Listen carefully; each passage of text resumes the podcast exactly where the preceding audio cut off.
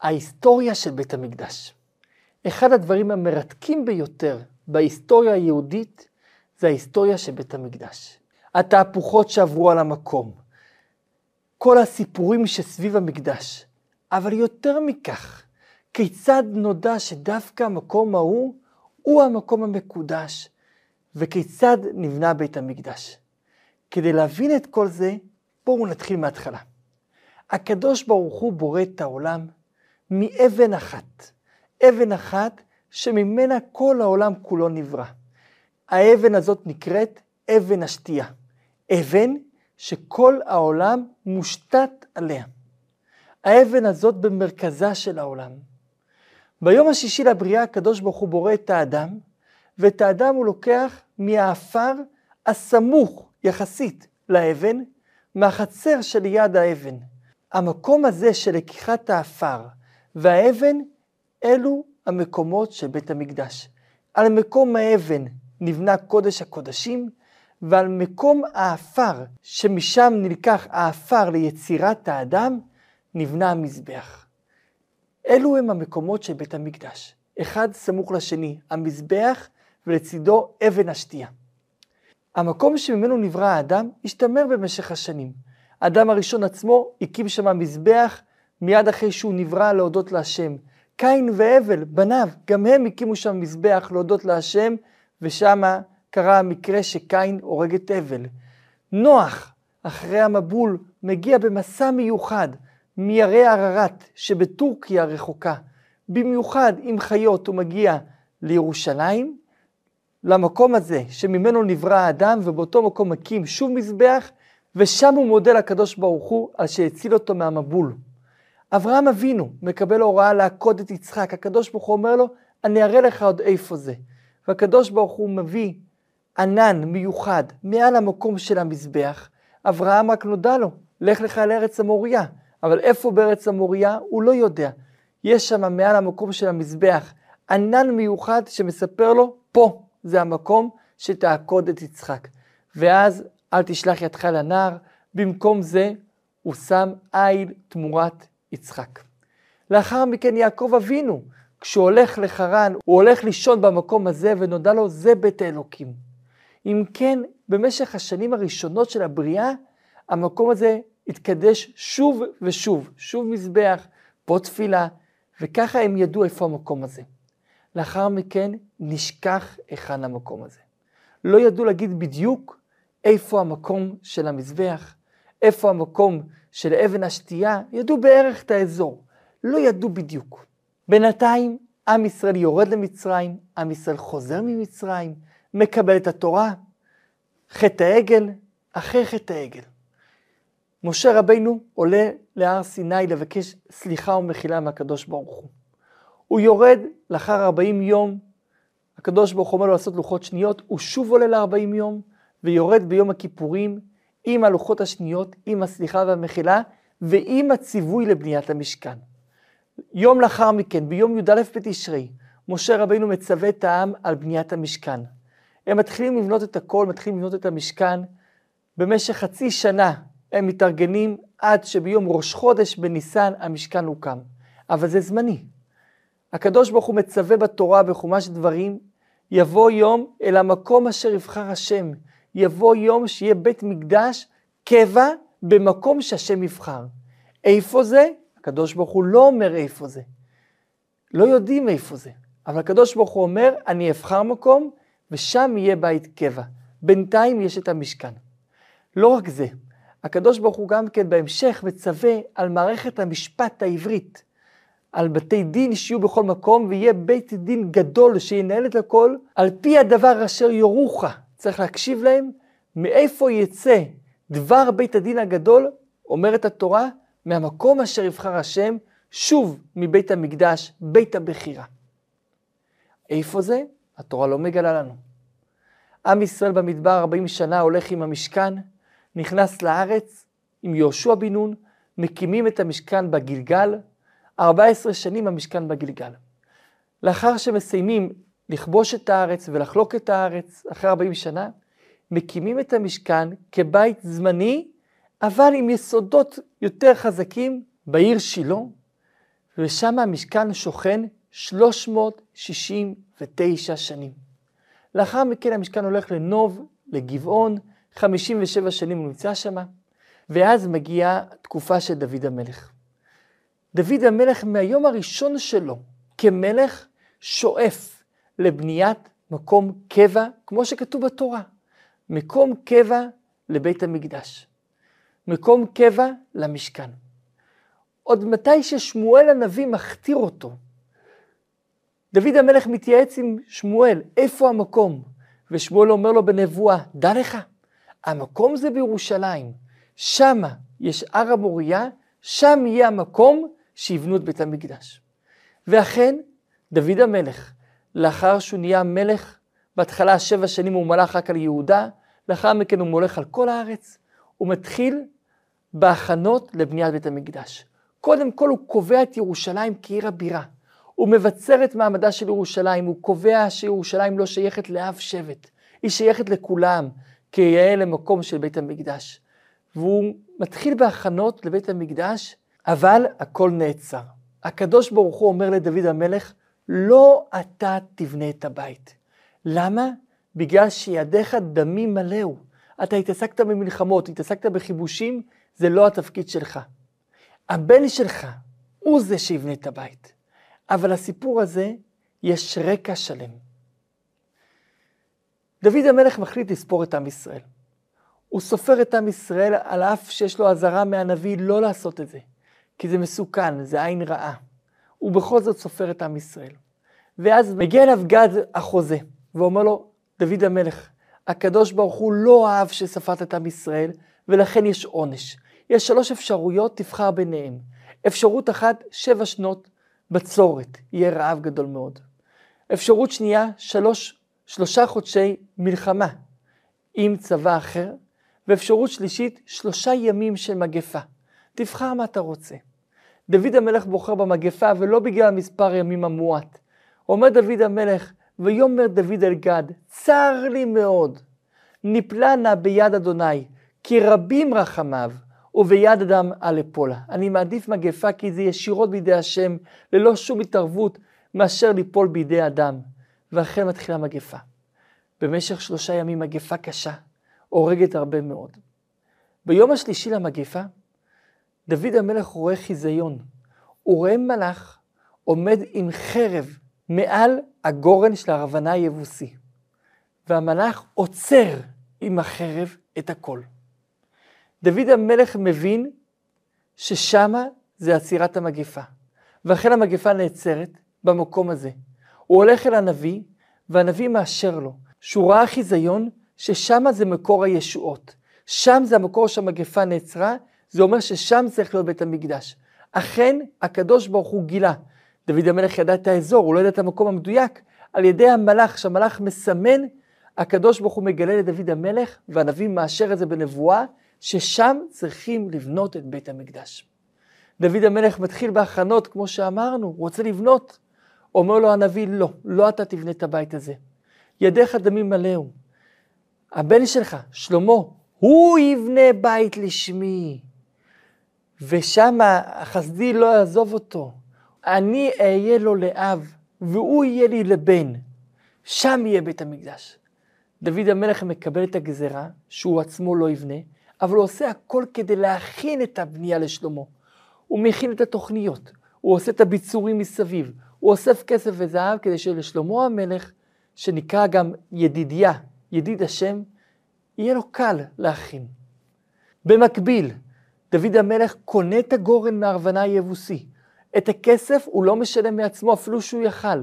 הוא לוקח את הכסף של העלות של הבנייה, הוא מחלק את זה בין כל עם ישראל שווה בשווה, כדי שבית המקדש לא יהיה שייך למלך או לאיזה טייקון, אלא יהיה שייך לכל העם. כולם שותפים בשווה בבניית בית המקדש. ואכן, דוד המלך לפני פטירתו מצווה את שלמה על בניית הבית. שלמה המלך, לאחר שקיבל את המלוכה, מתחיל בהכנות לבניית בית המקדש. מה הקשר בין המגפה לבין הבנייה של בית המקדש? מסביר הרד"ק, רבי דוד קמחי, עין רעה זה לא עונש, אלא עין רעה תופסת משהו לא טוב, איזה חטא, ומגדילה אותו. לעם ישראל היה חטא. החטא שלהם היה שהם לא ביקשו את בניין בית המקדש. ולכן, כשהייתה המגפה, זה היה בגלל עין רעה שמצא את החטא הזה שהם לא בנו את בית המקדש. זה מה שהמלאך מסמן. פה תעצר המגפה. בגלל זה שלא בניתם בבית המקדש הייתה מגפה, ופה בבנייה ייבנה בית המקדש. ואכן, לאחר פטירתו של דוד המלך, שלמה מתחיל לבנות את בית המקדש. הוא פונה לחירם מלך צור, שהיה בנאי גדול מאוד שיעזור לו. הוא לוקח את החומרי גלם הכי יקרים שיש, עצי ארזים, המון המון זהב. מגיעים פועלים מצור, אחד מהפועלים קוראים לו גם כן חירם, כמו שם של המלך, אבל זה חירם יהודי. יש חירם מלך צור שהיה גוי, ויש חירם הפועל, שהוא היה אומן גדול מאוד, והוא עוזר לבנות את הכל. החומרים מגיעים מלבנון בים עד לחוף דור או לחוף יפו, תלוי לפי איזה דעה. משם הם נוסעים על גבי עגלות וכרכרות לבית המקדש לירושלים, והבנייה מתחילה. הבנייה מתחילה בחודש אייר, שבע וחצי שנים לוקח לבנות את בית המקדש, עד שמסיימים את הבנייה בחודש חשוון. בית יפה, מדהים, מרהיב ביופיו, בית מצופה בזהב. הוא עשה את זה לפי המקומות המדויקים. המזבח על המקום ששם היו המזבחות של האדם הראשון, של נוח וכן הלאה, ואילו קודש הקודשים מעל אבן השתייה שממנה הושתת העולם. בניין יפה מאוד. לבניין הוא עשה חצר כמו חצר המשכן, והוא מעביר את המשכן עכשיו לבית הקבע. הכל עובר לבית הקבע. ושם בבית הקבע עם ישראל מחכה. שלמה המלך מכנס את כל העם ונותן את נאום חייו. אומר שלמה המלך בפני כל העם את המטרה של בית המקדש. אומר ריבונו של עולם, בנו בניתי לך בית זבול, בניתי לך בית ששם אתה תשכון. ואז שלמה המלך שואל, האומנם הישכון אלוקים בבית הזה? באמת השם ישכון בתוך הבית הזה? הלא השמיים ושמי השמיים לא יכלכלו, אף כי הבית הזה? הרי כל העולם, השמיים ושמי השמיים לא מספיקים כדי להכיל את הקדוש ברוך הוא. הבית הזה כן יכיל את הקדוש ברוך הוא? אומר שלמה המלך, כן, כי זה ציווי שלך, לשמוע אל הרינה ולתפילה, אשר מתפלל עבדך. ואתה תשמע ממכון שבטך השמיים, ושמעת, וסלחת. וכאן שלמה המלך מעריך בצורה יפהפייה במטרות של בית המקדש.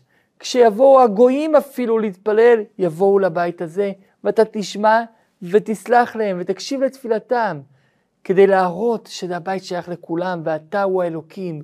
כשיבוא אליך מישהו כדי לבקש סליחה, תסלח לו. אלא אם כן זה מריבה פנימית של בין אדם לחברו, ושם לא תסלח עד שהוא ירצה את חברו.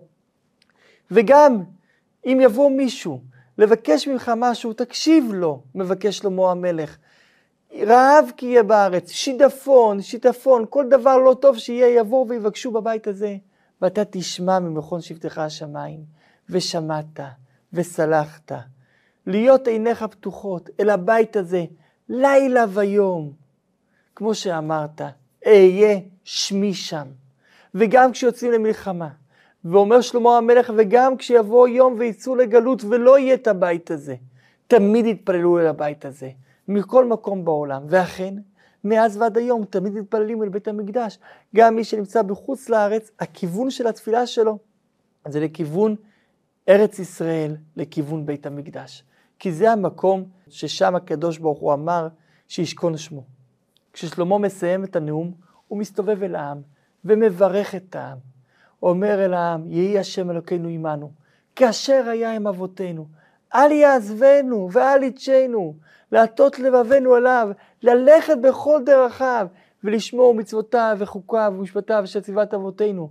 ויהיו דבריי אלה, אותם נאום, אותו נאום אשר אמרתי מקודם, קרובים לפני השם אלוקינו יומם ולילה לעשות משפט עבדו, ומשפט עמו ישראל, דבר יום ביומו, למען דעת כל עמי הארץ, כי אדוני הוא האלוהים, אין עוד. שכולם ידעו שרק השם הוא אלוקים, אין משהו אחר. ושלמה מסיים, וכל העם מחכה עכשיו במתח. מקריבים את הקורבן, ומחכים לאש שתרד מהשמיים, והאש לא יורדת. שלמה מלך מבקש בזכות העם לא יורד, בזכותו לא יורד. שלמה המלך מבקש ריבונו של עולם, תזכור לי את חסדי דוד הנאמנים, בזכותו של דוד המלך אבי. ואז האש יורדת מן השמיים, וכולם עכשיו יודעים שבזכותו של דוד המלך, בית המקדש הזה נבנה. ואכן, מאז האש שירדה מן השמיים לא הפסיקה.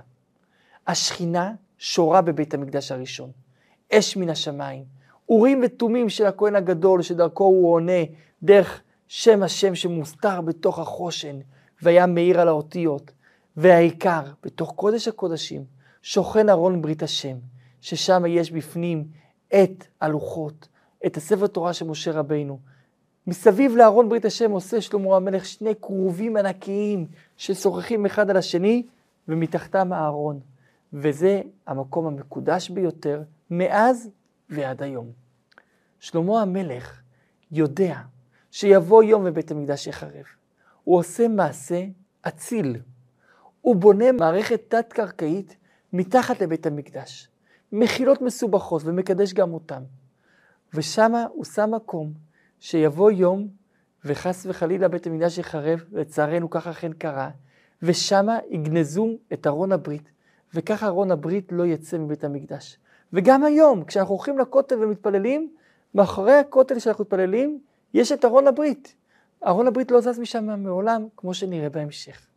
בית המקדש התחיל לעבוד, הכוהנים נכנסים למשמרות, הלוויים למשמרות, הישראלים למשמרות, הכל עובד כמו שצריך, בית המקדש יוצא לדרך. עם ישראל שמח, עם ישראל רואה איך הקדוש ברוך הוא שיכן את שמו בבית הזה. שלמה המלך קורא למבנה של בית המקדש מגדל דוד, כמגדל דוד צווארך, על שם אבא שלו, שהכין את המקום הזה. לקודש הקודשים הוא קורא בשם דביר, והכל מתנהל על מי מנוחות. שלמה המלך משפר ומייפה את בית המקדש, הוא בונה מקווה גדול בכניסה לבית המקדש, ים של שלמה, שעומד על 12 פרים, לא פרים אמיתיים, אלא פרים שהוא, עשה, שהוא בנה אותם, ושם טובלים בכניסה לבית המקדש. הוא מכפיל את השולחנות ואת המנורה, עשר שולחנות ועשר מנורות, ועושה הרבה דברים ליופי שמייפים את בית המקדש. לאחר פטירת שלמה, רחבה ממשיך להנהיג, וככה מדור לדור. ולאחר כ-200 שנה בית המקדש מתחיל קצת להיחלש, עוברו הרבה שנים סוף סוף. מגיע יואש ועושה בדק הבית, עושה קופה מיוחדת, ששם תורמים כסף לשיפוץ בית המקדש, ועושה שיפוץ כללי לבית המקדש. ועוברים השנים, ועם ישראל לצערנו מתחיל לחטוא. מגיעים הנביאים ומזהירים, אם תמשיכו בחטאים בית המקדש יחרב. העם לא מאמין, הוא מתחיל לצחוק. באמת, יש מישהו שיהרוס את הבית שלו? יכול להיות שהקדוש ברוך הוא יהרוס את הבית שהוא שלו? זה לא הגיוני. אבל יאשיהו המלך מאמין לנביאים. הוא גם שומע את רוחות המלחמה. הוא מאזין לנביאים, והוא מחליט לעשות משהו קשה, אבל בלית ברירה.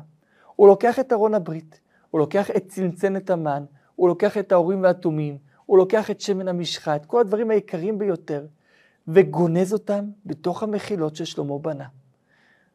הגיע הזמן, לצערנו. מאז ועד היום זה שמה, שמור ומחכה. כשיבוא המשיח בעזרת השם, זה יצא חזרה החוצה. ואכן הגלות הגיעה. נבוכדנצר מלך בבל מגיע לצור על ירושלים. ביום עשרה בטבת מתחיל המצור, ולאחר שנה וחצי, ביום תשעה באב, בית המקדש הראשון נחרב. סך הכל 410 שנים בית המקדש עמד על תילו, והיה בו את כל העבודה כמו שצריך. עם ישראל יורד לגלות. וכשעם ישראל בגלות, הקדוש ברוך הוא מתגלה ליחזקאל הנביא, ואומר ליחזקאל הנביא, נו, מה קורה? בוא אני אגיד לך את תבנית הבית. אומר יחזקאל, אנחנו בגלות, על נהר כבר, איך אפשר לבנות את הבית? אומר הקדוש ברוך הוא ליחזקאל, מה? בגלל שאתם בגלות, בניין ביתי יהיה בטל? מה הקשר? אמור לישראל את תבנית הבית, וככה יהיה. ומעלה אני עליהם שהם בונים את הבית. מסביר על כך הרבי, זה לא רק הלימוד הרוחני, שכמו כל העוסק בתורת עולה כאילו הקריב עולה, יש בזה גם כן לימוד פשוט. כדי לבנות בית צריך לדעת תוכניות, צריך אדריכל, גם אדריכל זה חלק מתבנית הבית. ולכן אין ברירה אלא להתחיל ללמוד, כי אם לא נלמד, איך נבנה? זה גם חלק מהבנייה. ואכן יחזקאל שומע מהקדוש ברוך הוא את תבנית הבית. את התבנית של הבית המיועד, הבית שיהיה כשיבוא המשיח. הקדוש ברוך הוא אמר מראש, הגלות של בית הראשון תהיה גלות קצובה בזמן בכל מקרה. 70 שנה ולא יותר. למה? הסיבה שבית המקדש הראשון נחרב בגלל עוונות גלויים. עבודת זרה, גילוי עריות, שפיכות דמים. לכן בגלל שהעוונות גלויים, גם הקץ גלוי. 70 שנה וזהו. ולאחר 70 שנה, עם ישראל חוזר חזרה לארץ. אבל מכיוון שעדיין לא היו ראויים, בית המקדש המיועד על ידי המשיח לא נבנה. מה שראה יחזקאל בחיזיון לא נבנה, הוא עדיין מחכה, זה בית המקדש השלישי. בינתיים נבנה בית מקדש שני, שהוא שונה מהראשון ושונה מהשלישי. זה בית מקדש בלי גילויים גלויים מלמעלה, אלא בעיקר על ידי עבודת האדם. ולכן הוא גם לא נבנה בצורה כזאת, כמו שהייתה בידי שלמה המלך. הוא נבנה בשלבים. השלב הראשון הייתה הצהרה של כורש. כורש מלך פרס שולח הצהרה לכל האומות, מי בכם ילך ויבנה את בית המקדש, אני מסכים לבנות את בית המקדש, מי בכם ילך ויבנה. חמישים אלף איש, זה לא הרבה, נענים לקריאתו ועולים לירושלים. אבל החמישים אלף איש לא היו עשירי העם ולא גדולי העם, להפך, היו פחת העם. הכי הכי נחותים בעם, הפשוטים ביותר. אין להם כסף, אין להם יכולת לבנות, הם מתחילים לבנות, והבנייה נעצרת בגלל הצקות, בגלל הלשנות, מלשינים עליהם למלכות, המלכות עוצרת את הבנייה.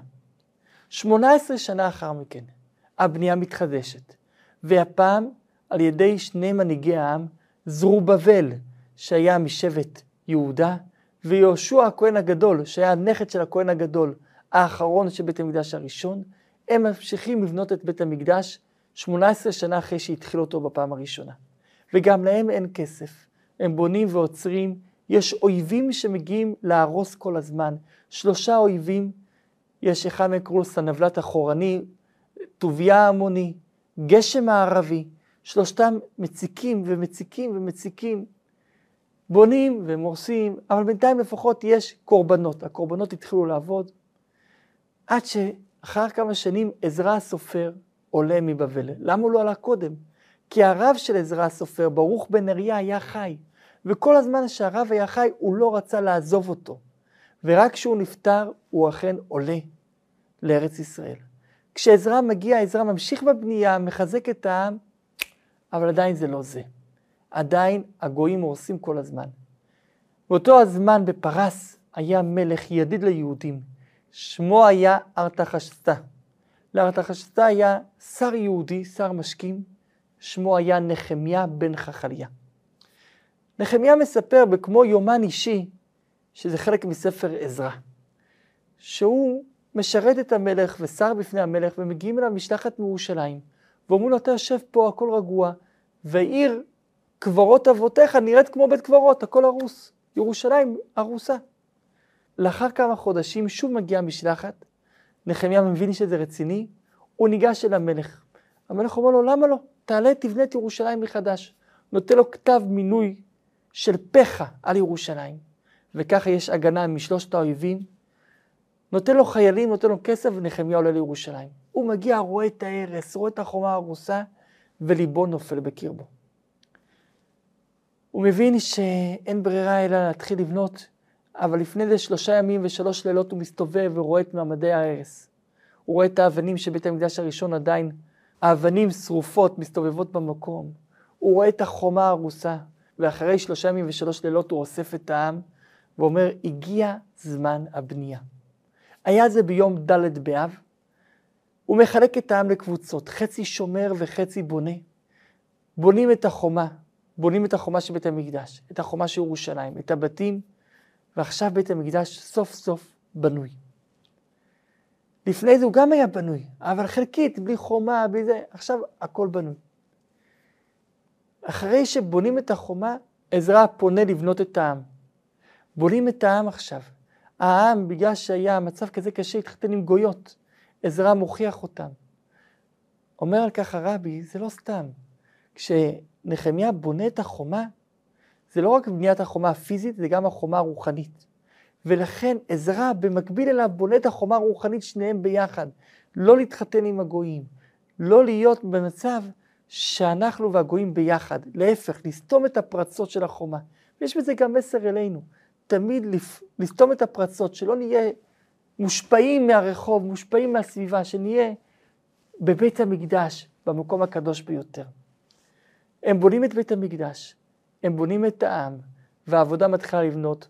בראש השנה עזרא נותן נאום מאוד חריף ומוכיח את הכהנים על העוולות ועל החתונות עם הגויים. העם מתחיל לבכות, חוזר בתשובה, אומר להם עזרא לא לבכות, היום הזה קדוש לאדוננו, איכלו משמנים ושתו ממתקים, כי גדול היום לאדוננו, לכו תחגגו. יום הכיפורים כולם חוזרים בתשובה, וסוכות, חגיגה שלמה בירושלים, כולם חוגגים. לא היה כזה חג שמח שקיימו את המצווה כהלכתו מימי יהושע בן נון. כל כך שמחה יש. נכון, חגגו סוכות במשך השנים, אבל כזאת שמחה שהעם מוקיר תודה לקדוש ברוך הוא לא היה. בית המקדש ממשיך תחת השלטון הפרסי. כאות הוקרה לשלטון הפרסי שהסכים ונתן את העזרה לבנות את בית המקדש השני, עשו על השער המרכזי של הר הבית, הפונה לכיוון החזית, שער המזרח, צורה של שושנה בירה בתבליט על הקיר, שכולם יראו אות הוקרה, הכרת הטוב לפרס שנתנה את הרשות לבנות את בית המקדש. שמעון הצדיק היה כמאה שנה לאחר בניית בית המקדש. הוא היה אחיין של עזרא הסופר, ובתקופה שלו בית המקדש מתחיל להיחלש כי הוא נבנה טלאי על טלאי. הוא מחליט לעשות שיפוץ מלא לבית המקדש, הוא משיג לכך כסף, ובונה את בית המקדש השני מחדש, משפץ אותו, מגדיל אותו, עושה אותו יפה וחזק. ולאחר כ-150 שנה, שוב בלאגן. היוונים כובשים את הארץ ומטמאים את בית המקדש. במשך כמה שנים הם נמצאים בבית המקדש, העבודה נעצרת, הם שמים שם את הפסלים שלהם, מטמאים את השמנים. מגיע נס חנוכה המפורסם. החשמונאים כובשים את ירושלים, מתארים את בית המקדש, בונים מחדש את בית המקדש השני, בונים מחדש את המזבח, כי המזבח הקודם צריך לגנוז אותו בגלל שהוא נטמע, בונים את החומות מסביב, החומה החשמונאית, ובית המקדש שוב חוזר לעבוד. ושוב עוברות השנים, ו-320 שנה לאחר בניית בית המקדש השני, מתחילים להיראות סדקים בתוך בית המקדש. סדק פה, סדק שם. בבא בן בוטה רואה את הסדקים, אבל אין לנו את היכולת לבנות. באותו הזמן הרומאים כבר שולטים על ארץ ישראל. יש מלך מטעמם בארץ בשם הורדוס, שהוא היה משוגע. ואין את האפשרות לבנות. הורדוס המלך הרשע והמשוגע מחליט להרוג את כל החכמים, הורג את כולם, הורג את כל משפחת המלוכה החשמונאית, הורג את כל החכמים, ואת בבא בן בוטה מעוור אותו כדי שהוא לא יוכל לצאת נגדו. משאיר אותו עיוור. יום אחד הוא מגיע לבבא בן בוטה ומנסה להתייעץ איתו מה עושים עם המלך הורדוס, הוא לא מגלה לו שהוא עצמו הורדוס. הוא אומר לו, תקלל אותו, תעשה לו משהו. בבא בן בוטה מתעקש לא לקלל את הורדוס. ואז הורדוס אומר לו, האמת היא, אני הורדוס. אם הייתי יודע שאתם כל כך חכמים וכל כך זהירים, לא הייתי הורג את כל החכמים, לא הייתי מעוור אותך. איך אני יכול לכפר על מה שעשיתי? אומר לו בבא בן בוטה, תבנה את בית המקדש מחדש. אומרת הגמרא, זה לא כפרה, אבל אין לנו ברירה אחרת, כי אי אפשר לבנות את בית המקדש בלי המלכות, ולכן אין ברירה. אומר לו, אורדוס, אבל הרומאים לא ייתנו לי רשות. אומר לו בבא בן בוטה, תשלח שליח לרומא עם הבקשה. שנה יתעכב בדרך, שנה יתעכב ברומי, שנה יתעכב בחזור. אחרי שלוש שנים, אם יגיע עם הלא, כבר בית המקדש יהיה בנוי. אבל יש בקשה אחת, אל תהרוס את בית המקדש לגמרי, שיהיה רצף, שכל הזמן תהיה פעילות בבית המקדש. הקרבת הקורבנות, כל, כל הזמן ימשיך. ואכן ככה אורזוס עושה. אורזוס לוקח את בית המקדש השני.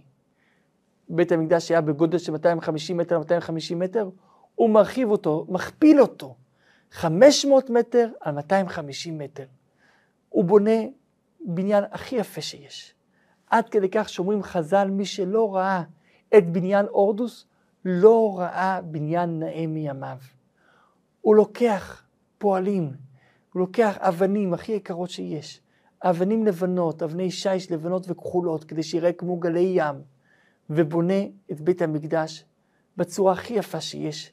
בניין בגובה 50 מטר, בניין אדיר, 50 מטר גובה. חומות גדולות מאוד. אפשר לראות עד היום את הכותל המערבי, שמורכב בחלקו מהמבנה של הורדוס, בחלקו הוא מיוסד עוד למטה לסלע של שלמה המלך, יש שם את כל השלבים בכותל המערבי. אפשר לראות את הגובה. כשעומדים ברחבה של הכותל, אנחנו רק באמצע הגובה של הכותל. יש עוד חצי למטה. הגובה האדיר, האבנים היפות, הכל הוא בונה בצורה יפהפייה. אפשר להגדיל את בית המקדש, אפשר להרחיב, אבל יש שני דברים שבהם אסור לגעת.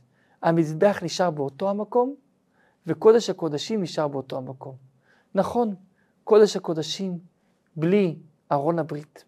אגב, מסופר שכשבנו את בית המקדש השני, הצעירים שמחו, הנה יש לנו בית המקדש, ואילו המבוגרים בכו. הם שמחו שיש בית המקדש והם בכו כי הם זכו את הבית הראשון, את כל הגילויי שכינה שאין בבית, שאין בבית המקדש השני. וככה הבניין של הורדוס מוכן בזמן קצר שיא, שלוש שנים. הוא בונה שמה פטיו, סתיו מלכותי, ששמה שוק שלם לטובת עולי הרגל. הוא בונה מערכת שלמה של אולמות קבלת פנים לפני בית המקדש, מקוואות, הכל בצורה יפהפייה, בצורה מושלמת.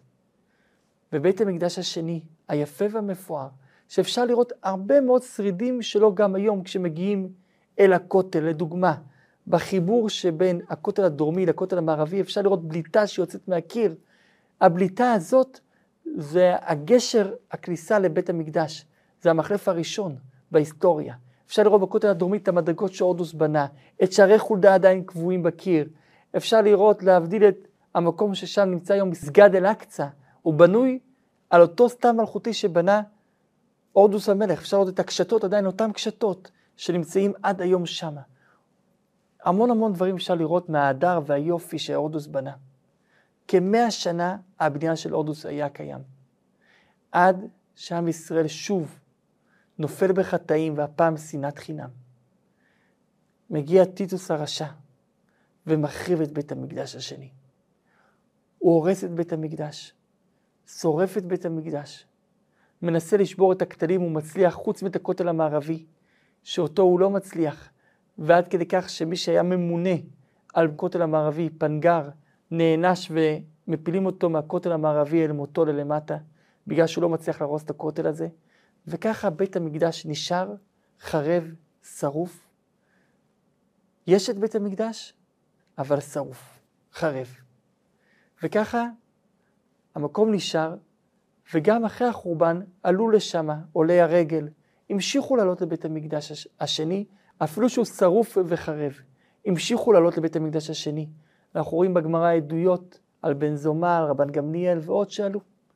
אפילו יש דעה שאומרת שחידשו לתקופת מה את העבודה בבית המקדש השני השרף, השרוף והחרב.